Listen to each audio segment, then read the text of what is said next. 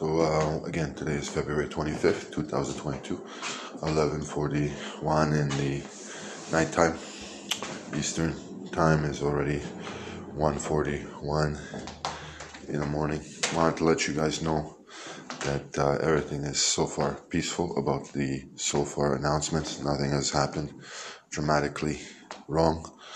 Wanted to let you know that uh, in 2026 we do have Canada, USA, Mexico already qualifying as hosts, as hosts, meaning that there will be a possibility of an increasement in national team appearances, such as going from 32 nations to possibly 48 nations for the World Cup. In terms of uh, the reality, means that uh, nations are developing at an increasingly good pace because of technology, and uh, that means that uh, the ability to showcase the World Cup to 48 nations is going to be possible.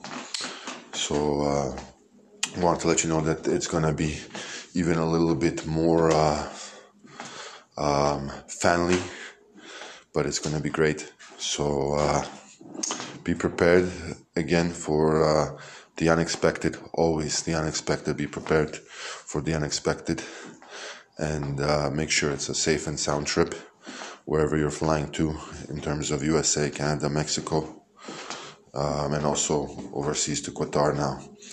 But uh, like I say, make sure it's safe and sound.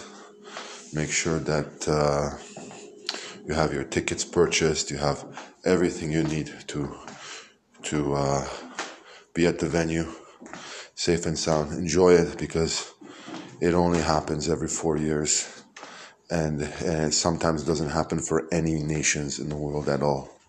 Tell the truth, there are so many nations of are on the FIFA World Cup table that have not yet appeared at the World Cup, and it's very passionate from them to keep trying to do it, and that's very important. So be prepared that the World Cup is going to increase probably from 32 nations to 48 due to the fact that uh, nations have to create more peaceful contracts and uh, we have to uh, grow the, the sport and the game to a, level where there is more uh, peaceful actions happening. That's about it.